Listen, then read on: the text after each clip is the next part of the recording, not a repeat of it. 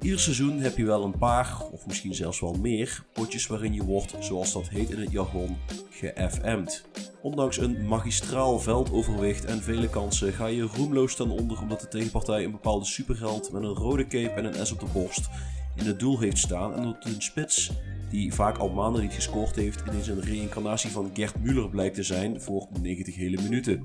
Terwijl het toch allemaal niet lastig lijkt. Het doel is groot zat en op een gegeven moment moet de wet van grote getallen toch in je voordeel gaan werken. Waarom spelen je aanvallers dan voortdurend alsof ze het resultaat zijn van een ranzige liefdesaffaire tussen René van Rijswijk en Ivan Gabric? De Football Managers United podcast.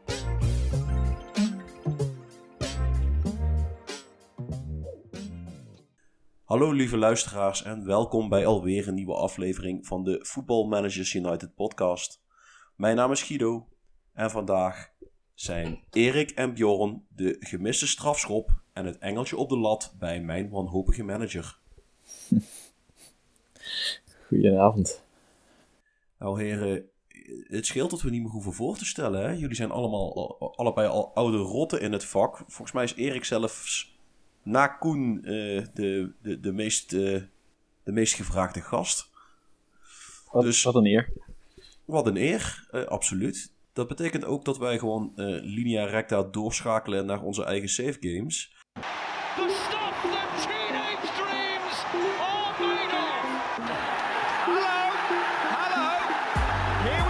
Onze eigen save. Nou ja, ik werk gewoon van links en rechts op mijn beeldscherm. En dan gaan we denk ik eerst van Erik horen hoe het met OHL gaat. Als ik het nou wel goed uitspreek. Ja, ja, ja. ja daarom kom ik zo vaak terug, hè, totdat jij het uh, goed kan uitspreken. Dus, uh... Dat gaat nog even duren, vrees ik. nee, nee, nee, het is prima. Het is prima. Ik heb trouwens gehoord, want ja, ik zit, ben zelf in het echt ook een beetje betrokken bij de club. en ze gaan misschien het veranderen hoe dat de naam moet worden uitgesproken. Dus ik weet niet of dat ze dat speciaal voor jou doen, maar ze zijn ermee bezig. Ik vind het wel sympathiek. OHL is voor, een, voor een Vlaamse club zou OHL zo gewoon logischer zijn. Ja, inderdaad. Dat, is, dat zou de bedoeling zijn. Nou, hebben jullie niet een of andere leuke bijnaam of zo? ik weet dat Beerschot, dat waren de Kielse Ratten. En zo zullen er echt nog wel meer Belgische clubs. Uh, Gent zijn de Buffalo's, dat weet ik dan ook nog. Maar uh, heeft, heeft OHL niet een, een, een, een aansprekender bijnaam dan dat? Nee, eigenlijk niet. Ja, toch niet voor zover dat ik weet. Um, het enige is, ja, ze zingen altijd uh, Come on You Whites, omdat ze in het wit spelen. Maar, uh, maar veel verder gaat het niet qua creativiteit. Ja, ik zou in deze tijd ook niet hardop Come on You Whites op een tribune gaan lopen zingen. dat is volgens mij ook vragen om problemen. Maar ja, oké, okay, OHL dus. hoe gaat het met OHL? Ja, ja de vorige keer ehm, dat ik, dat ik erbij was heb ik verteld dat ik uh, ongeveer halverwege een uh, moeilijk seizoen zat. Uh, het seizoen met de 2K in Qatar. Uh, waardoor dat, mijn, mijn spelers het eigenlijk heel moeilijk hadden. We een beetje op achterstand stonden. Um, maar dat ik nog goede hoop had op, op de playoffs. Um, nu, ik moet toegeven, ik had toen twee dagen voetbalmanager al niet meer opgestart. en toen dat ik het daarna wel deed, bleek dat de achterstand toch al zeker 10 punten was op de top 4. Um, ik stond wel op de vijfde plaats, maar dus ja, 10 punten achterstand. Dus dat viel, uh, dat viel een beetje tegen. Um, wat ik toen gedaan heb, ik heb uh, nog eens uh, alle raad die zowel ik zelf als, als jullie hebben gegeven tijdens de podcast, heb ik geprobeerd allemaal, allemaal samen te brengen om, om toch nog een eindsprint in te zetten. En, en hoe ging dat? dat ging eigenlijk verrassend goed. heel, heel goed zelfs. Tot, um, denk drie wedstrijden voor het einde wonnen we alles. Um, waardoor dat we op. Uh, we stonden zelfs vierde. Maar dan uh, verloren we van de rechtstreekse concurrent, uh, Antwerp. vervolgens wonnen we weer. en um, in de laatste wedstrijd begonnen we met één puntje achterstand op Antwerp. en wij moesten tegen Lommel, niet, niet direct een hoogvlieger. Um, en uh, halverwege de wedstrijd had ik gezien dat, uh, dat Antwerpen op achterstand uh, was gekomen. Dus ja, wat dat betreft zag het er allemaal heel goed uit. totdat we zelf ook op achterstand kwamen. Oei. dat, dat viel eventjes tegen. Ehm, gelukkig een beetje later konden wij nog scoren. Hadden we één puntje, waarmee dat we net genoeg zouden hebben ehm, om om toch bij de top 4 te eindigen. En dan ja, heb je gewoon in België nog alle kans om, om kampioen te worden natuurlijk. Uh, alleen uh, helaas uh, net in de één na laatste minuut, denk ik, scoorde Antwerpen, waardoor dat zij ook één puntje pakte. en ja, dus we op één puntje het, de top 4 misliepen. Zo'n zo'n Karlsberg-ontknoping. Als Karlsberg voetbalontknopingen maakte, dan zou dit er zo eentje zijn. Inderdaad, ja. Ja, ja. Dus uh, ja, dan. Uh, dat het, en eigenlijk ja, hebben we best een goed seizoen gedraaid achteraf gezien. Uh, het was minder slecht dan ik, dan ik dacht. We hadden meer punten bijvoorbeeld dan het eerste jaar waarin dat ik kampioen werd. maar ja, soms. het was gewoon een heel groot verschil tussen de top 5 en de rest van de competitie. Dus je had heel veel punten nodig om bij de top 4 te eindigen. Heb je wel nog kans om Europa in te gaan komend seizoen? ja, dus dan hadden we de play-offs. maar dan vanaf de vijfde plaats. ja, die werden mhm. heel, heel makkelijk gewonnen.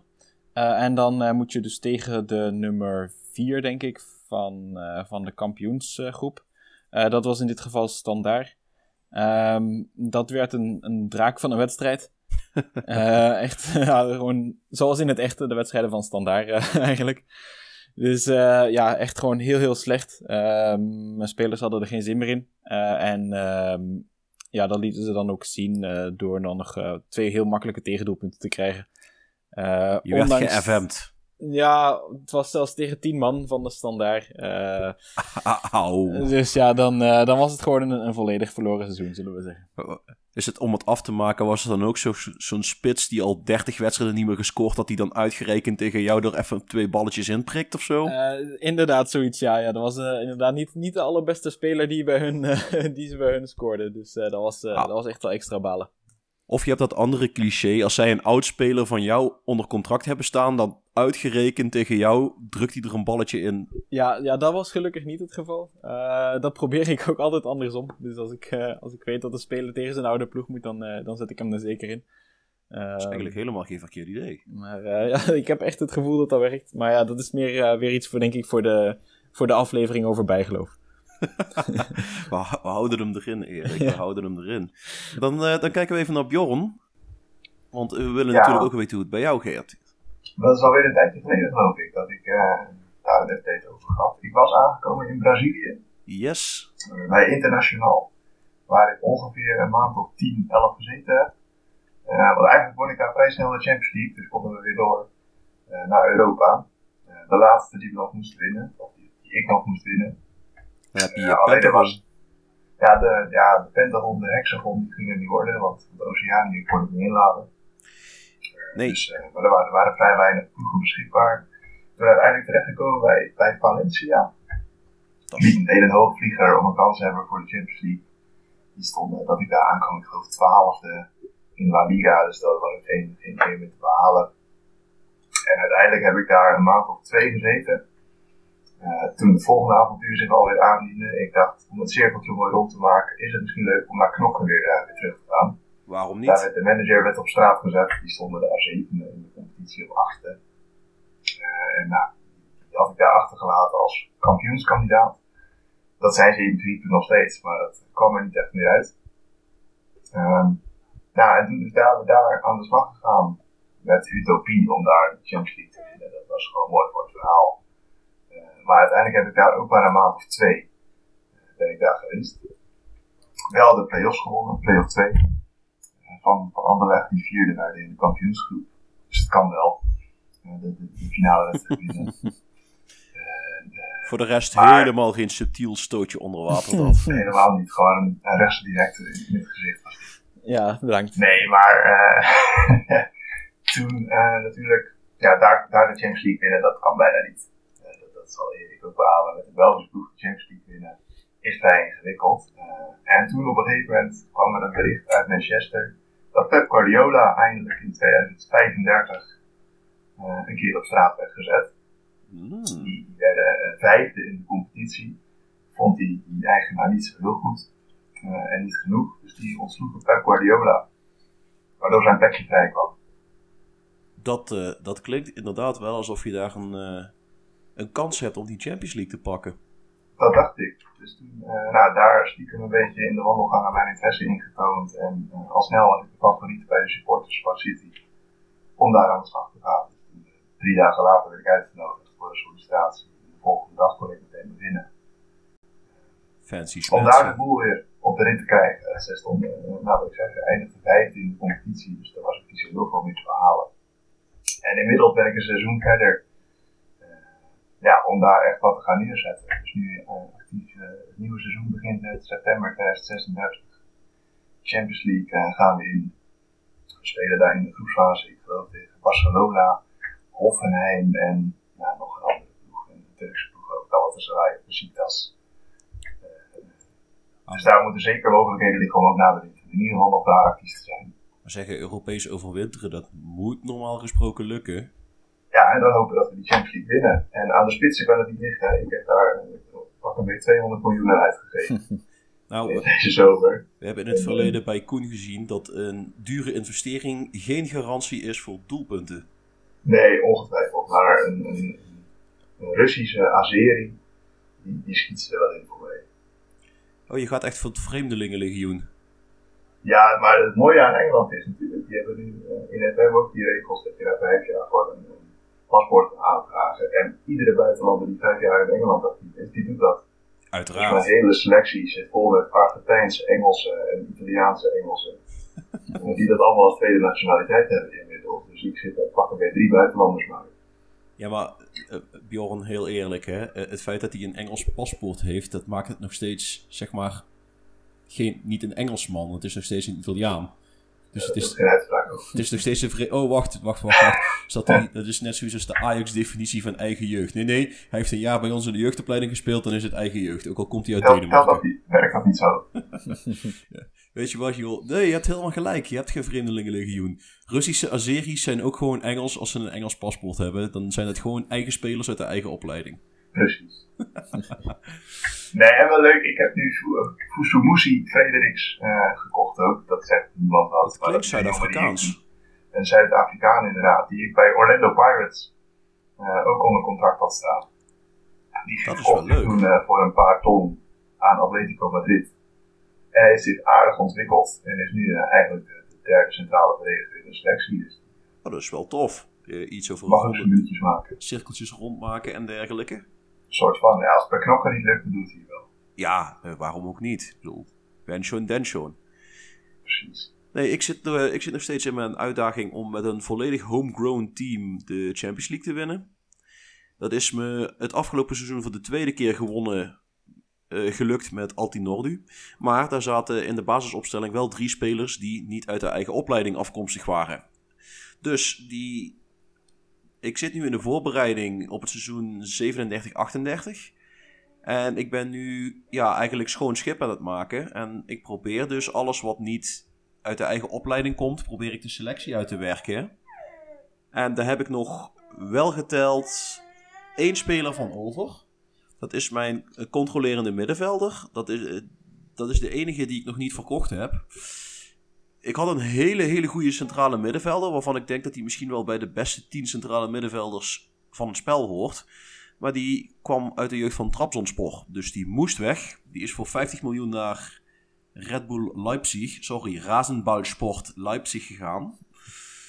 Ik had een hele goede linksback. Misschien wel een van de beste onder 23 linksbacks van het spel. Die is dus voor 30 miljoen naar Man City gegaan. En blijkt nou ineens gewoon 60 miljoen waard te zijn. Dus dat was misschien zelfs nog wel een koopje. En ik heb mijn reservedoelman verkocht. Waarvan ik denk, nou dat boeit eigenlijk niemand ruk. Maar ik moet die ene controlerende middenvelder nog kwijt. Ik heb wel twee talenten uit de jeugd doorgeschoven. In de hoop van, nou, we gaan eens kijken of het, uh, of het gaat lukken. Desondanks heb ik geen enorm jonge ploeg. Heb ik ook een aantal spelers van uh, achter in de 20. En zelfs een dertiger erbij. Dat is de enige speler die in mijn team actief is, die in het begin van het spel ook nog speelde. Dat is Ravil Tahir. Jullie allen uiteraard niet bekend. um, maar in het echt is het wel een, uh, een talentje. Zeg maar de zoveelste Turkse Matthijs de Licht. Um, dat is een jongen die van Altinordu in het echt naar, ik dacht dat het Fenerbahce gegaan is. Nou ja, ik heb hem teruggehaald op zijn 34ste van Valencia. En nou, hij maakt bij mij, uh, zet hij achter in de lijnen uit op het moment dat hij het nog kan belopen. Want we spelen met een vrij hoge defensieve lijn. En Raviel Tagier is op zijn 34ste, zeg maar... Kennen jullie Johnny van Beukering nog? Die uh, bijna werd ingehaald door de man die, zijn, die een paas naar hem gaf. Nou, ja, dat, uh, dat is Raviel Tagier achterin. En dat compenseert hij dan wel door zich goed op te stellen. Maar met name in de Europese wedstrijden uh, ja, gaat in de Europese wedstrijden kan dat gewoon echt niet meer. Daar komt hij gewoon tekort. Daar kan hij gewoon eigenlijk niet meer mee.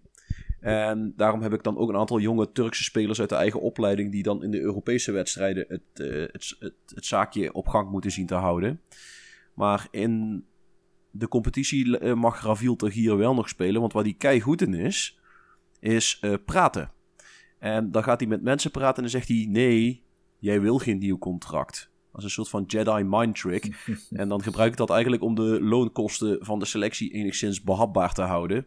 Want Altinordu heeft dan laatst een nieuw stadion gebouwd. Maar ondanks het feit dat ze nou twee keer een Champions League en één uh, Europa Cup op hun naam hebben staan, hebben ze nou een stadion van 20.000 mensen. Dus uh, uh, laat ik het zo zeggen, van de inkomsten van het stadion moet ik het niet hebben om de club financieel gezond te houden. Dus ik kan het ook niet permitteren om heel veel dure contracten uit te delen. Dus ik, ik heb er één of twee jongens die meer dan een ton per week verdienen. En de rest niet. Dus het is vooral ja, aan mensen als Tagier te danken die dan, met men, die dan zegt: nee, nee, jij wil geen nieuw contract. Jij wil geen nieuw contract. En dan, oké, ik wil geen nieuw contract. En dan gaat het weer een half jaar goed maar dat betekent ook dus dat ik ieder jaar één of twee ja, best wel talentvolle spelers moet verkopen. Om ja, de zaak op gang te houden. Nou, tot nu toe ging dat makkelijk, want dat waren dan alle spelers die niet uit de eigen jeugd kwamen. Maar dit seizoen zal ik dan voor het eerst. Uh, nou ja, dit seizoen zal ik nog wel uitgespeeld krijgen op die manier. Daarna zal ik dan ook echt jeugdspelers moeten gaan verkopen. En dan ga ik mezelf in mijn vingers snijden. Dus ja, het komend seizoen is uh, een beetje do or die. Want daarna wordt het denk ik wel, best wel een stuk lastiger als ik die eigen jeugdcriteria blijf aanhouden. Want dan is het bijna niet meer te doen, denk ik, om op die manier ja, de zaak geregeld te krijgen. Dan, dan ga ik echt ook mijn eigen sterspelers moeten verkopen die uit de eigen opleiding komen. Mijn, mijn keeper is bijvoorbeeld al twee jaar op rij verkozen tot beste keeper van de wereld. En die ga ik niet kunnen vervangen met wat er op het moment in de eigen jeugd zit. Dat zijn gewoon modale de Turkse Super League keepers die prima zijn in de eigen competitie, maar die het Europees niet kunnen bolwerken.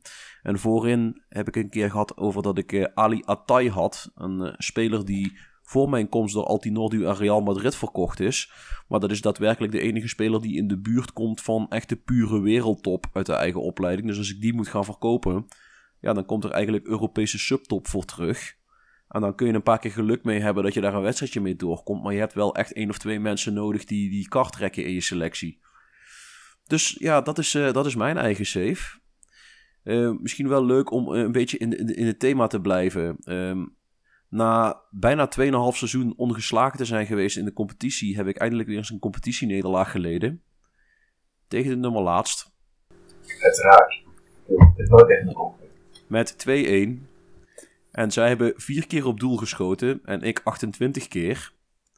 Dus ja, daar, we zullen het erop houden dat het niet helemaal goed ging met betrekking tot het afronden. En dan hebben we ook gelijk dat. Ik, ik moet wel zeggen, ik was echt pissig. Eh, als in pissig dat mijn dochtertje van een, van een jaar me aankeek van... Papa, wat ben je gewoon aan doen, joh? Doe even normaal. niet met schelden of zo, maar wel... Ik zat me gewoon echt verschrikkelijk druk te maken van... hoe kan dit nou? Want dan, dan zie je ook altijd ballen tegen de lat gaan waarvan je denkt, ja, maar die had ik er nog in kunnen zwaffelen, bij wijze van spreken. En dan knallen ze die bal gewoon loeihard tegen de lat in plaats van gewoon rustig in te tikken. Nou ja, dat dus. Um, maar laten we eens uh, naar het daadwerkelijke thema van de week gaan. Als je spitsen niet scoren, of je in, in mijn geval als je aanvallers niet scoren, wat kun je dan doen? It's just the most extraordinary scenario you could have dreamt of. The unthinkable unfolds before our eyes. Het thema van de week. En ja, ik denk dat het eerste is dat we heel even de, de, de standaard dooddoenertjes doorlopen. Die mensen dan roepen op het moment dat je spitsen veel kansen missen. En ja, ik, ik erger me daar wel eens aan. Want dat zijn van die dooddoenertjes van die mensen die dan... Ja, eigenlijk roepen ze maar wat. En op het moment dat ze het dan verder niet invullen, heb je er niks aan. En ja, ik weet niet of ik een van jullie uh, een voorzetje kan geven naar, uh, naar de eerste dooddoener. Uh, ik kijk even Erik aan, want dat is denk ik wel de meer tactisch onderlegde van jullie twee. Sorry, sorry Bjorn. nee, ik zeg niks. Goh, ja, um, ik, ik vind het altijd een beetje een, een moeilijke. Uh, inderdaad, het is makkelijk om te zeggen, het is je tactiek. Uh, maar, uh, maar vaak komt het ook ja, in, periodes, zien we in het echt ook natuurlijk. het, het kan aan je tactiek liggen. Hè? Ehm, laat dat duidelijk zijn, dat je spitsen niet scoren. Maar ja, het is zo natuurlijk. Een, een, een, spits, ja, die heeft ook een bepaalde vorm. Dat zien we in het echt ook. En die heeft soms niks met de tactiek te maken, soms wel. Als je je lekker in je vel voelt, dan, uh, dan scoort een spits natuurlijk makkelijker. En, en daar komen we denk ik op het, op het tactische verhaal. Um, ja, zo, sowieso. Als je de kansen überhaupt creëert, dan ligt het probleem denk ik niet in de, in de tactiek. Nee, inderdaad. Ja, dat is natuurlijk het belangrijkste. Kansen creëren.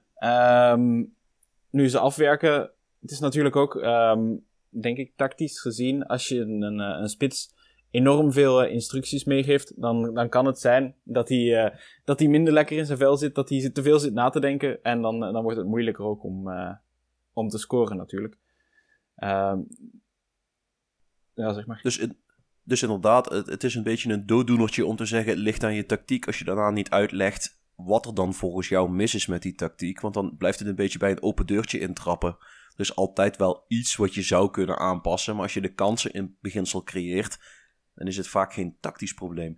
Dan kijk hmm. ik even, want Erik gaf wel al een aardig voorzetje naar de tweede dooddoener. En uh, ik geef even een voorzetje richting Bjorn, want dit ligt meer bij zijn uh, area of expertise. De betere spelers, daar, daar, hoeft het ook niet per se aan te liggen. Want je weet, uh, ik kan me nog wel herinneren een Björn Moesje. die er in 1.30 inschoot bij NEC. En ja, we hebben straks de speler van de week die ook nog even aan bod komt ja, je hebt wel eens spelers ertussen zitten die schieten ineens alles raak. Ik, ik, ik, vrees dat ik je wel trouwens even live moet rectificeren, want het was uh, Björn Flemings die jij bedoelde. Ja, ja of, of Frank de Moesje, want die heeft er ook een keer heel of, veel... Of Frank de Moesje, inderdaad. Ja, ik had er twee tegelijk. Ik, dacht, ik dacht dat het bewust was. nou ja, die allebei, maar dan heb je meteen twee van dat soort voorbeelden. Over. Nou ja, er zijn nog genoeg van dat soort voorbeelden te bedenken van spelers die dan ineens alles raak schieten. En natuurlijk schieten een Benzema of een Messi er meer in uh, over het algemeen dan uh, Ricky van Wolfswinkel of welke spits dan ook, die Pavlidis bij AZ. Ja, volgens mij Willem II bijvoorbeeld best een leuke speler, maar maakt er nou helemaal niks van. Hij heeft een vrij stroeve start aan het seizoen. Ja, dat, dat, kunnen we geruststellen. Ja. Zal je zien dat hij de volgende week drie inschiet. Maar uh, ja, ik help het hem van harte hopen. Maar ja, weet je, betere spelers is niet altijd uh, de oplossing. En uh, we hebben niet allemaal de portemonnee van Paris Saint-Germain. Dus inderdaad. Nee, was het maar zo'n feest. Ja, dan hadden ze bij Twente en, en andere ADO bijvoorbeeld vast wel ergens een blikje spits opengetrokken. Maar, Absoluut. Uh, het is vooral kijken ook naar wat kan je spits en, en hoe wil je hem bedienen. Wil je inderdaad de voorzetten van de vleugels geven en heb je een verheid in de spits lopen die alleen maar hoeft te springen en te koppen ja, dan moet je vooral daar op die spits zoeken. Waar we in de snelle jongen hebben, dan moet Thomas krijgen in de spits zetten. Uh, niet echt, nee. Dat, uh, dan zijn er betere opties. En ja, de laatste dooddoener is altijd, ja, de statistieken geven een vertekend beeld. En ja, ook dat is natuurlijk een tricky one. Want het kan natuurlijk best dat de statistieken een vertekend beeld geven. Als je puur en alleen naar de schoten op doel gaat kijken, dan kan het best zijn dat je heel vaak op doel schiet, maar dat het allemaal van afstand geweest is. En dan, dan heb je eigenlijk helemaal niet zoveel gecreëerd. Uh, andersom zeg ik, dan zijn er dan mensen die, die staren zich blind op XG. En die zeggen, ja, maar mijn XG-waarde was hoger. Ja, vriend, maar als jouw XG-waarde heel hoog is, omdat je heel vaak lage XG-schoten van afstand hebt, dan heb je nog steeds niks gecreëerd. In principe zoek je naar een aantal kansen met een XG van boven de 0.2. En het liefst zelfs boven de 0.4. Want dan kun je zeggen, nou, ik heb echt grote uitgespeelde kansen gecreëerd. Uh, dus ook daar zeg ik, het, is een dooddoener als je alleen zegt de statistieken kloppen niet. Want ja, je zult toch wel even moeten uitleggen waarom dat ze dan volgens jou niet kloppen. Dus ja, een schijnoverwicht is statistisch gezien heel goed mogelijk. Maar je zult wel altijd moeten kijken naar de XG-waarde en de positie van waaruit geschoten wordt. Als jouw speler in de 16 tot schieten komt, maar staat bijna op de achterlijn. Nou, dan kun je er normaal gesproken vrij veilig van uitgaan dat die bal 9 van de 10 keer tegen de paal of in het zijnet gaat. Ja, sowieso, spelers in die positie zouden de bal gewoon moeten voorleggen. Maar ik heb al heel lang geleden ben ik gestopt met me daar druk om te maken. Dat doen ze namelijk toch niet. Wow. Er zijn er ook die een corner er rechtstreeks in schieten, dus het kan wel. Ja, maar dat heb ik in voetbalmanager nog nooit meegemaakt. Dat is alleen in het echt. En dat was tegen Vitesse en dat telt niet, want die hebben een keeper die er niks van kan. nee, ik heb dat in FM ook al een keer gehad trouwens. Een rechtstreeks corner? Die, een corner die inderdaad gewoon met vanaf, nou ja, net had welke kant het gegeven, maar zelf gewoon met een curve. Zo de paal uh, in landen. Ik kan oprecht zeggen dat ik heel veel gezien heb in voetbalmanager. Dat ik zelfs in voetbalmanager een digitale zone gehad heb. Maar ik heb nog nooit meegemaakt dat een, dat een corner ineens het doel inging zonder dat er iemand met zijn uh, handen en of hoofd aan zat. Nou ja, dus zo zie je maar. Dan is dat mijn volgende doel voor FM22. ik wil een directe corner goal gaan scoren. Nou, daar een eh, nieuwe export voor uitvinden. Yes. Nee, de vraag is dan, uh, want we hebben nu allemaal dingen besproken waar het dan mogelijk niet aan zou kunnen liggen. Ja, waar kan het dan wel aan liggen? En ja, we hebben, we hebben ons daadwerkelijk voorbereid. Eh, ik weet dat deze podcast overkomt als we zitten hier bij elkaar en we lullen maar wat. Eh, we lullen maar wat. En tot op zekere hoogte klopt dat ook gewoon.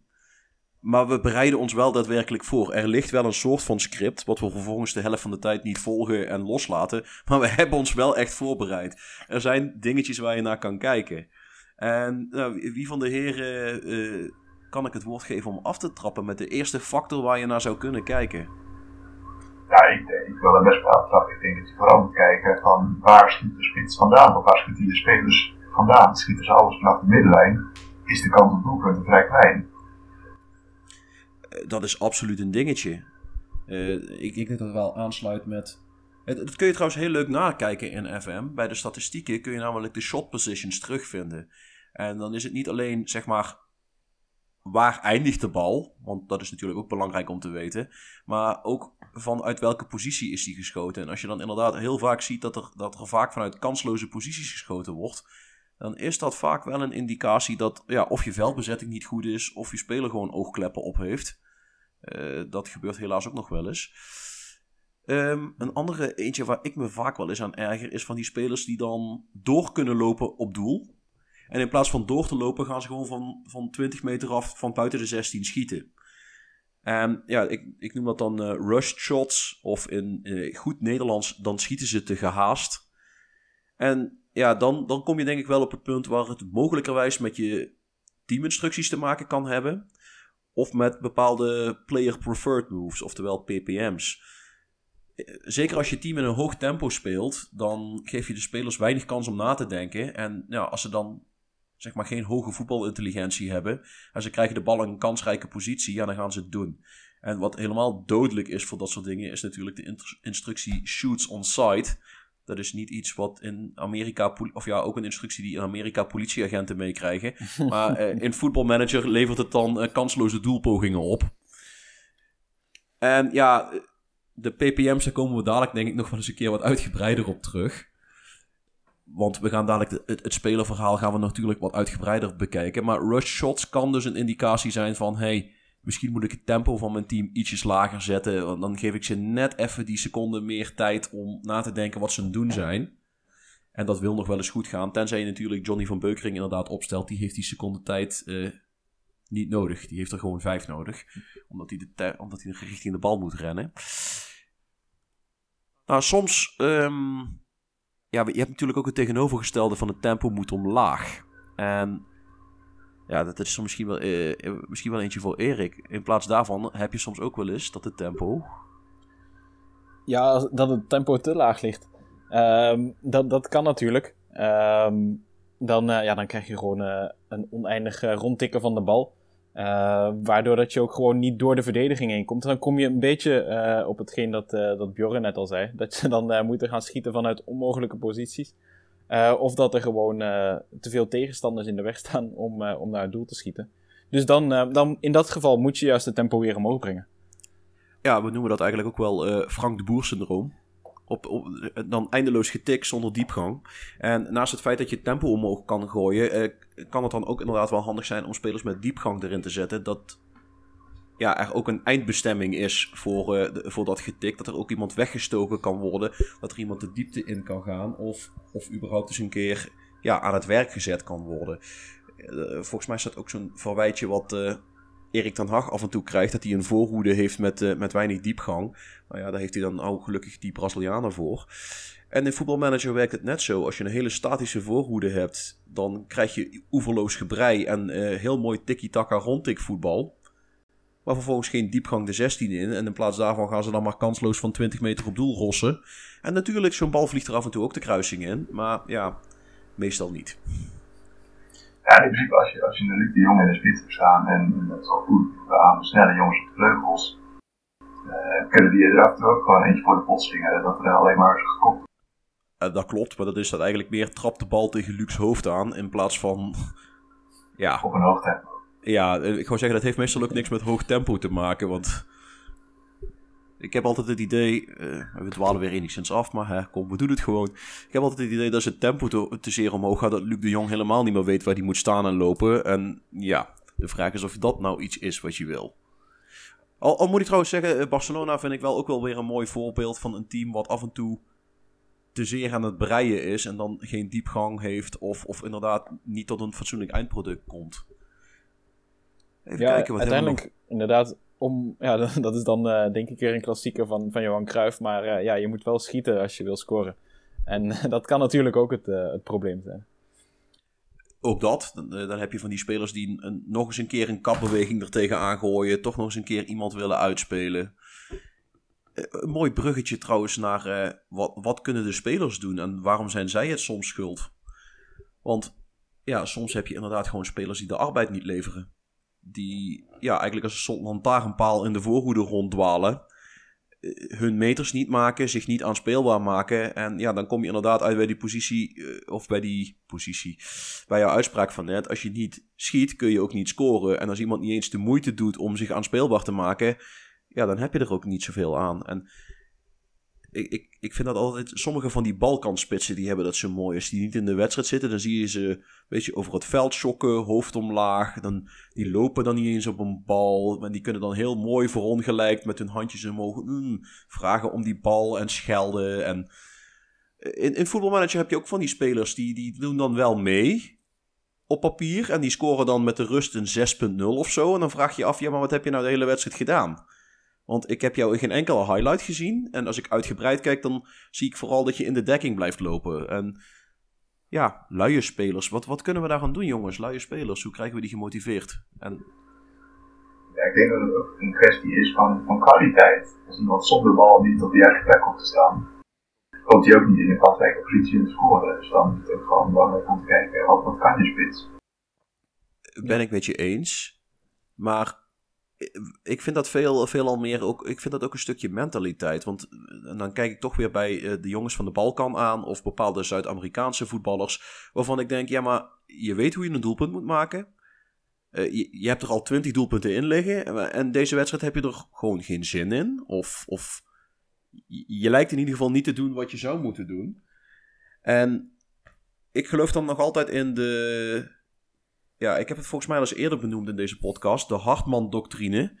Naar uh, de film Full Metal Jacket en de drillsergeant in, uh, in die film. Ja, daar scheld ik ze gewoon voor Um, als, je, als ik met de rust niet minstens met twee doelpunten verschil voorsta, dan is mijn teamtalk in het algemeen een agressieve. Met het idee, ik, ik wil de selectie aan de gang krijgen. En ik wil ze prikkelen om ja, fanatieker te gaan spelen en ook daadwerkelijk meer hun best te gaan doen.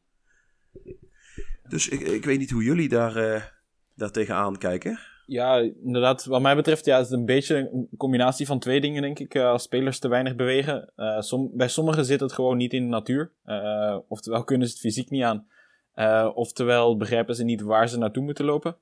Ehm, maar ook ja, die goede spelers hebben natuurlijk wel eens een, een, een slechte dag of, of mentaliteitsprobleem. En dan, dan werkt het inderdaad wel goed om om een keer met een waterflesje te gooien in de, in de kleedkamer. Uh, of, uh, of om te kiezen voor een, uh, voor een vroege wissel. je innerlijke Sir Alex naar buiten brengen. Inderdaad. En ja, goed, in dat, in dat opzicht eentje die wat daar heel erg op lijkt en daarbij eh, aangesloten kan worden. Ja, dat, naast de, de luie spelers heb je natuurlijk ook de spelers van wie het zelfvertrouwen weg is. En toen ik ooit met Strikerless begon, toen speelde, eh, ja, jullie zijn oud genoeg om te kennen, toen speelde een Fernando Torres bij Chelsea. En dat was toen nou ja, al een paar jaar. Dat was de grote aankoop van Chelsea in die tijd. Uh, dat was het, het wonderkind van, van uh, Liverpool. En daar werd hij op handen gedragen. En Chelsea kocht hem met het idee dat is de, dat is de spits die ons de Champions League gaat opleveren. Nou, het verhaal is bekend. Uh, Fernando Torres die leverde heel veel op. Maar dat waren vooral lachers. Met ja, de kansen die hij miste. Ik, weet niet of jullie dat, dat momentje tegen Man United kunnen herinneren waar hij één op één met de keeper kwam. De keeper uitspeelt. Weliswaar iets links van het midden van het doel uitkomt. Maar de bal gewoon voor een leeg doel gewoon keihard naast peert. En ja, dat, dat gebeurde hem die, in die tijd vaker. En nou, ik zal niet zeggen dat Fernando Torres de voornaamste reden is dat ik strikerless ben gaan spelen. Want dat is het niet. Maar het, was, het, speelde wel een rolletje dat ik dacht, ja, maar als je nou voor zo'n voor zo'n gast weet ik veel. Volgens mij had Chelsea iets van 50 of 60 miljoen voor hem betaald. Als je voor zo'n gast zo'n bedrag moet neerleggen en die maakt, die maakt hem niet. Ja, waarom zou je dat dan überhaupt doen? Dan koop dan een aanvallende middenvelder die een derde deel van dat geld kost. En die misschien een nou ja, net zo hoog rendement haalt. Want het is niet zo dat Torres een complete koekenbakker was. Volgens mij haalde hij gewoon netjes de dubbele cijfers. Maar dat werd niet van hem verwacht. En heel eerlijk, een speler met een uh, prijskaartje van 60 miljoen, daar verwacht je meer van dan 10 doelpuntjes. Maar van een aanvallende middenvelder van uh, pak een beet 15 à 20 miljoen, als die 10 doelpuntjes en een aantal assists oplevert, dan denk je, nou, die heeft op zich geen slecht seizoen, geen slecht seizoen gedraaid. Het, het bruggetje waar ik naartoe wilde werken met deze hele, hele, hele lange inleiding is: wat doe je met spelers die geen zelfvertrouwen meer hebben? Spelers waarvan je weet dat ze het kunnen, maar die het gewoon even niet laten zien, omdat ze het, ja, ze hebben het even niet. Wat, wat doe je daarmee? Hoe gaan we daarmee om, jongens? Ja, ik, uh, ik ga meestal dan uh, voor, een, uh, voor een persoonlijk gesprek met de speler. Dus ja, in, in FM heb je de mogelijkheid om, om een speler te waarschuwen over zijn recente vorm. dus dat is dan iets dat ik wel, wel een keer durf te doen. en hem daar gewoon zeggen van, ja, als je nu niet begint te scoren, dan verlies je de basisplaats. En blijf je hem dan vertrouwen geven? Of zeg je na een wedstrijd of 4-5 van nou, het is nou ook wel weer mooi geweest? Ja, nou, dat is inderdaad uh, een beetje te zien uh, hoe lang dat duurt. Uh, en hoe goed, hoe goed de spelers zijn die ik op de bank heb zitten. Um, maar ja, ik, soms zeg ik ook van... ja, als je nu niet begint te scoren, dan verlies je je basisplaats. Maar eigenlijk heb ik dan al het plan om hem de volgende wedstrijd al op de bank te zetten. Dus, dus dat gebeurt ook wel eens. Ja, ja, dat, je bent niet echt van het. Uh, dat praatje is dan eerder een inleiding naar. Uh, dadelijk is het te laat voor jouw vriend. En dan, uh, dan heb je pech gehad. Inderdaad, ja. Ja, oké. Okay. Um, ehm, daarbij aansluitend. sorry, Bjorn, wil je daar nog iets op aanvullen? Of zeg je nou, dat, daar kan ik. Nee, ja, ik denk dat het er ook wel heel erg van afhangt. hoe de rest van de aanvallers op de middenvelders presteren. Als je toch gewoon je wedstrijd wint. en het is alleen even een vormdipje, dan is het als het aan de kwaliteiten niet ligt van de spits, altijd wel een kwestie van tijd voordat hij wel weer begint te scoren als het goed is. Dus als er de ruimte is uh, om, om iemand te laten staan en het vertrouwen te laten groeien, kun je er altijd uh, voor kiezen om ook gewoon te laten staan tot de knop die wel een bal in zijn hoofd geschoten krijgt. Ik, daar ben ik het op zich wel mee eens. In, in mijn geval laat ik ze vaak, geef ik mijn aanvallers heel veel kansen. Ze blijven vaak wel staan, tenzij ik van de fysio's of van de coaches berichten terugkrijgt van hij, is, uh, hij zit als een top, hij is overwerkt. Um, match fitness is niet meer in orde. Ja, dan heb je wel kans dat ik op een gegeven moment ga roteren. Maar tot die tijd laat ik ze zoveel mogelijk staan. Dus ik heb eigenlijk echt wel een, va een vaste kern van ja, 18 à 20 mensen die spelen. En die andere spelers in de A-kern. Dat zijn vaak jonge talenten of wat er, meer ervaren spelers. Die eigenlijk vooral bedoeld zijn voor noodgevallen. En op het moment dat het echt niet meer gaat en niet meer lukt. Dat is uh, wanneer dat soort mannen erin komen. En dat is wanneer ik dat soort mannen dus de kans geef om, uh, om te laten zien wat ze kunnen. Uh, dat gezegd hebbend, dan is het volgende puntje, ja, eentje die we net ook al aangestipt hebben. Uh, soms ligt het niet eens in de spits, maar zijn het echt puur onze verwachtingen. Want ja, heb je ooit een spits meegemaakt die elke kans maakte? Maar Haaland komt nu wel in de buurt. Ehm, maar uh, ja, hij zegt zelf dat hij nog meer moet scoren. Dus wat dat betreft. Uh... Ja, dat is dan eigenlijk geen heel mooi voorbeeld van te hoge verwachtingen. Want hij stelt ze nog hoger bij. Maar ja, goed. Stel dat je niet de beschikking hebt over een beestman zoals Haaland of uh, Cristiano Ronaldo. Wat uh, ik wilde eerst zeggen Ronaldo, maar dat kan niet. Want de echte Ronaldo is Braziliaans. Uh, Cristiano Ronaldo, en zelfs die scoren niet met elk schot. En zelfs die hebben soms meerdere kansen nodig om tot een doelpunt te komen. Wat denk ik wel belangrijk is, is dat we, ja, Joran had al eens een keer een, uh, een inleidingje gegeven van, nou soms ligt het gewoon aan de spelers. En we hebben er al een paar puntjes van aangestipt. Maar we gaan ze er toch nog eens een keer opnieuw uithalen. En nou, weet je wat joh, uh, wie van jullie wil beginnen, pik er eentje uit en dan ga los. Ja, ik, ik heb het alles verteld in een van de vorige podcasts, denk ik. Dat ik, dat ik vooral bij, bij spitsen heel erg let op de uh, op de mentale attributen. Uh, omdat ik ooit in een, uh, in een van de eerdere FM's merkte dat, dat Dirk Kuyt enorm veel doelpunten maakte. Terwijl dat hij een heel lage, score, een heel lage rating had op, op finishing. dus dan ben ik gaan kijken waar dat hij wel goed op scoorde. En sindsdien kijk ik heel erg naar, ja, um, ik denk dat het in Nederlands kanten is en beslissingen. dat zijn voor mij twee, twee heel belangrijke attributen Ja, absoluut. Uh, ik sluit me daarbij aan. Uh, composure en decisions. Namelijk als je dan onder druk in, in een moeilijke positie komt, dan, dan composure zorgt er inderdaad voor dat een speler rustig blijft en niet in paniek raakt en maar wat gaat doen. En decisions is dan ook toch dat je niet alleen rustig blijft, maar vervolgens ook nog de juiste beslissing neemt. En voor mij zijn dat, zeker als je de ambities hebt om op hoger niveau met je team te gaan spelen, zijn dat uh, echt sleutelattributen die ervoor zorgen dat jouw spelers ook op het allerhoogste niveau ja, verstandige beslissingen nemen en, en goede dingen doen. En dat ze dat misschien niet altijd goed uitvoeren, dat is een tweede. Maar het gaat in, in, in dat geval denk ik vooral om de, om de intentie. Uh, nou, Bjorn, je hebt vast en zeker ook nog een, eh, een mooie toevoeging voor ons. Ja, en ik denk, ik denk inderdaad ook wel daarop voortbordurend. Als jij zeg maar, iemand met het, het mentaal van Dirk Kuyt hebt en het voetballend talent van Van Persie uh, dat je zo iemand ook kan begeleiden en kan mentoren. Uh, door ook gewoon het hele mentale aspect dan aan te leren. Dat als iemand wel uh, eh, 20 voor afwerken heeft en, en 20 snelheid, maar niet zo goed weet wat hij met de bal moet doen, ja, dan kun je dat prima aanleren door Dirk daar gewoon een jaartje bovenop te zetten. Ja, absoluut. en het hele mentale aspect erbij te brengen. Dus dat hele mentoring, je hebt nu in deze die mentorgroepen, waar je dat prima mee kan, combineren. Eh, daarnaast kun je inderdaad ook nog met de, met de trainingen kun je bepaalde uh, accenten aanbrengen. Uh, ofwel op een andere rol laten trainen, waardoor bepaalde attributen meer naar voren komen. Of op bepaalde attributen echt specifieke focus nog eens leggen. En ja, om daarbij aan te sluiten, via mentoring en training kun je misschien een speler ook bepaalde ppm's aanleren of juist afleren ik ben zelf bijvoorbeeld een, een, enorme fan van de PPM Places Shots. Dus niet een speler die gewoon gaat rammen omwille van het rammen, maar dat ze echt proberen om de bal te plaatsen. Dat is natuurlijk geen garantie dat er altijd gescoord wordt, want ook een geplaatst schot kan gewoon door de keeper gepakt worden. Maar om de een of andere reden, eh, bij Places Shots moet ik altijd denken aan een speler als Inzaghi. Dat was of, of een Christian Vieri. Dat waren spelers die nou ja, die hadden gewoon niet heel veel kansen nodig om te scoren. Maar dat was, dat was zelden met rammen en raggen.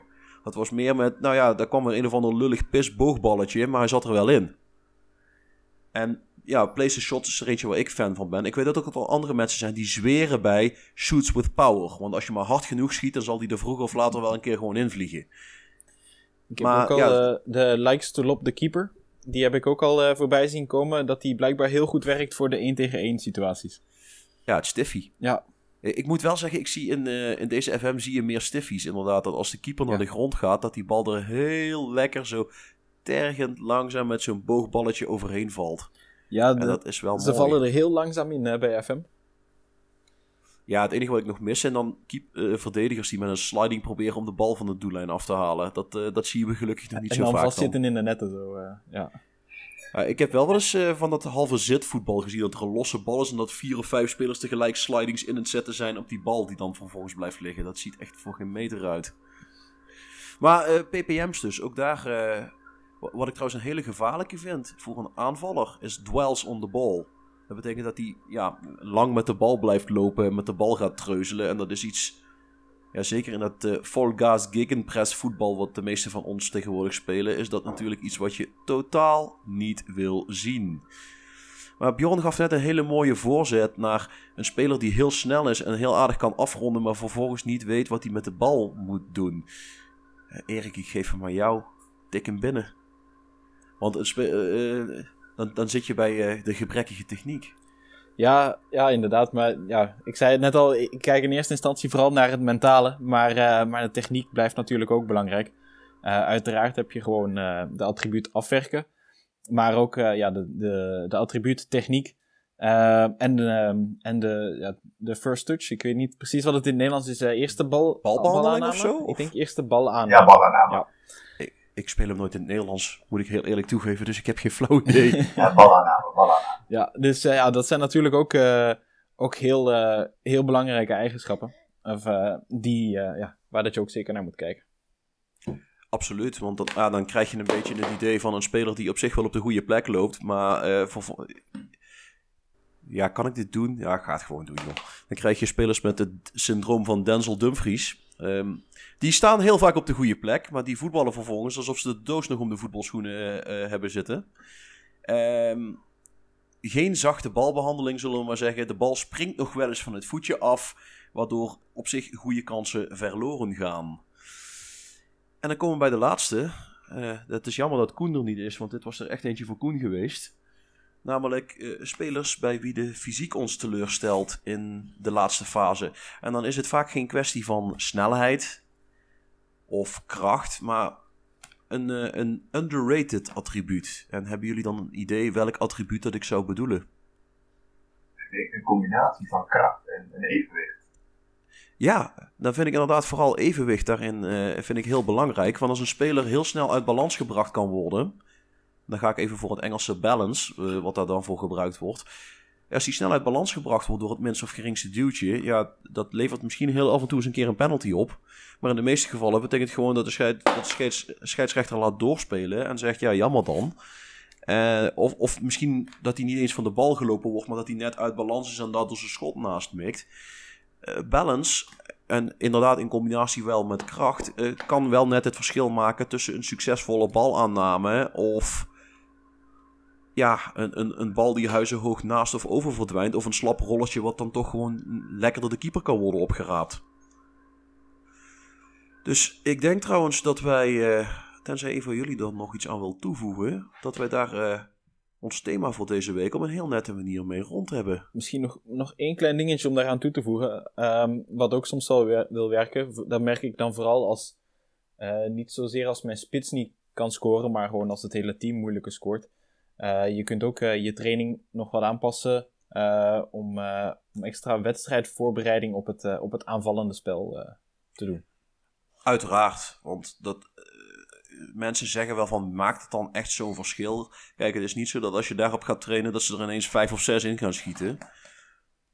Maar het is natuurlijk wel zo dat het misschien net het verschil kan maken tussen een, een, een, een, twee, een kansloze 2-1 nederlaag tegen de nummer laatst. En dan toch op het laatst nog een doelpuntje erin prikken. En, of met een gelijkspelletje of een, uh, een krappe overwinning ontsnappen. Omdat ze dan toch net even dat balletje nog erin prikken.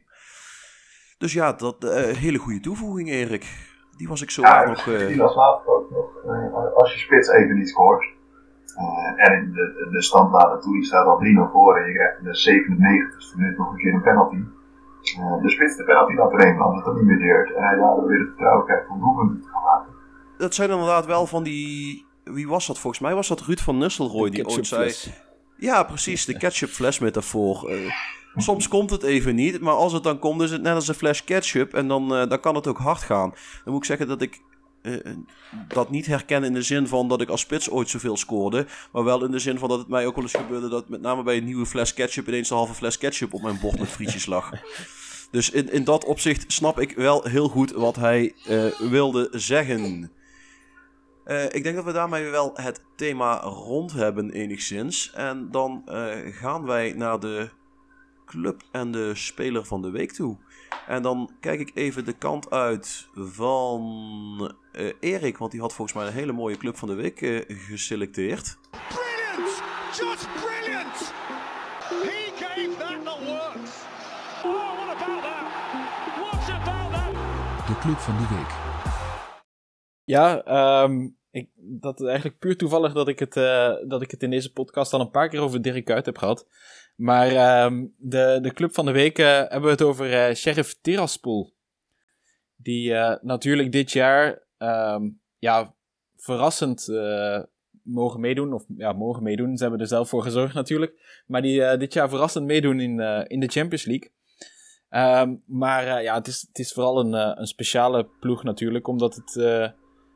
ja, het is moeilijk te zeggen uit welk land dat de club nu komt.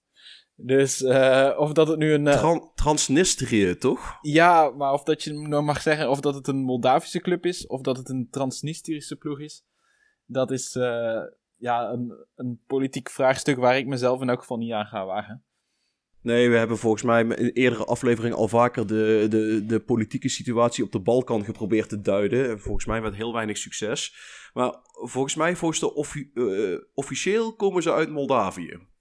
Ja, nou dan gaan we het, uh, gaan we daarbij houden. Uh, dat lijkt me het, het veiligste.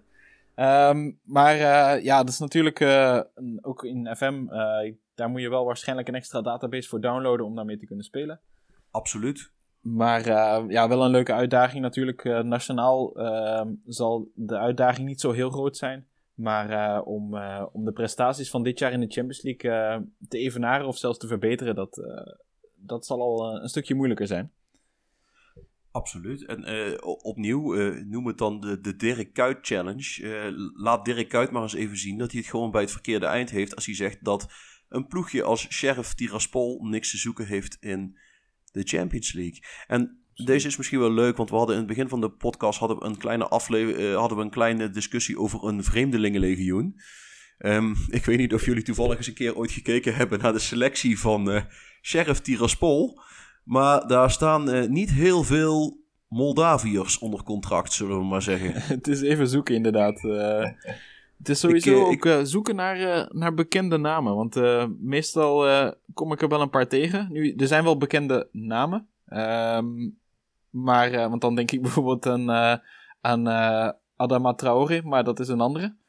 Dus, dus dat is niet de goede. Dus enkel, ja, voor mij enkel de Luxemburger uh, die eruit springt. Ik, ik zal zeggen dat ik die keeper ook ken. Uh, Athanasiadis. Ik heb nog wel eens wat avontuurtjes in de Griekse competitie gehad. En ja, voor de rest uh, is het inderdaad een, een vreemdelingenlegioen. een Colombiaan, Malawi, Bosnië, Ghana, Mali, Slovenië, Nigeria, een aantal Brazilianen, iemand uit Trinidad, een Oezbeek, Luxemburg. Luxemburg, een paar Grieken, een Serviër, Ivoorkust, Noord-Macedonië, Peru en een Guinees. Dus uh, ja, het is een. Als ik dat zo hoor, dan valt mij Manchester City prima mee. Daar heb ik nog niet wel drie Engels in zitten. Dat bedoel ik. Nou, zij hebben wel een paar Moldaviërs, maar volgens mij komen die niet echt aan voetballen toe. Um, ja, het is meer voor, voor de selectie-inschrijvingsregels. Ik, ik denk het wel, want je maakt me niet wijs dat Adama Traoré voldoet aan de homegrown regels van Sheriff Tiraspol. maar ja, wel een hele mooie toevoeging. En als je op zoek gaat naar die extra database om te downloaden, dan zou dat natuurlijk zomaar kunnen dat je die op www.manunited.nl kunt terugvinden. Want daar staan heel veel extra databases die je kunt vinden. Inclusief een hele mooie die door Richard gemaakt wordt. Ook een vriend van deze show. En dat is een data-update. Uh, ik weet niet of die, die, heeft niet de Moldavische competitie speelbaar gemaakt. Maar daar zijn weer andere bestanden voor. En ook die kun je waarschijnlijk bij op www.manunited.nl gewoon terugvinden. En gaan wij naar de speler van de week. En de, die geef ik aan Bjorn. Want Bjorn had een hele goeie. What is going on here? He's done it again! Oh, genius! Absolute de Speler van de Week. Ja, die ligt redelijk in lijn met het onderwerp van deze aflevering. De, de, de spitsen die even niet meer scoren. Uh, onze Griekse vriend Georgos, of Georgios Giacomakis, die, die is bij VVV als warme breukjes erin schoot. Uh, maar nu nog eigenlijk altijd op zijn eerste doelpunt wacht, als ik het goed heb, uh, in de schotland. Of tenminste op het moment dat we dit opnemen, in oktober. ja, die, die is geblesseerd, niet fit, niet in balans. Ik weet niet wat er allemaal aan de hand is, maar, maar doelpunt maken doet hij niet. Ik denk dat we daar misschien de tips van deze podcast eens een keer op los kunnen laten. Moeten we in het Engels opnemen en dan naar, naar Celtics opsturen. Uh, of in het Grieks, want uh, de manager van Celtic is een uh, Australische Griek, dus...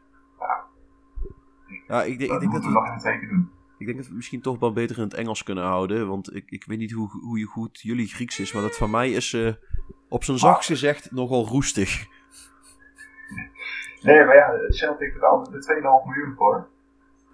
Wat natuurlijk voor VVV gewoon een gigantisch bedrag is. Maar ja, echt doet hij tot op niet. Dus dat lijkt me een mooi voorbeeld van, van de verlichaming van deze aflevering. De, ja, absoluut. Uh, ik denk dat Georgios Giacomakis deze aflevering belichaamt. Maar dan waarschijnlijk niet op de manier die hij graag gewild zou hebben. Maar hey, fuck it. Het leven is hard.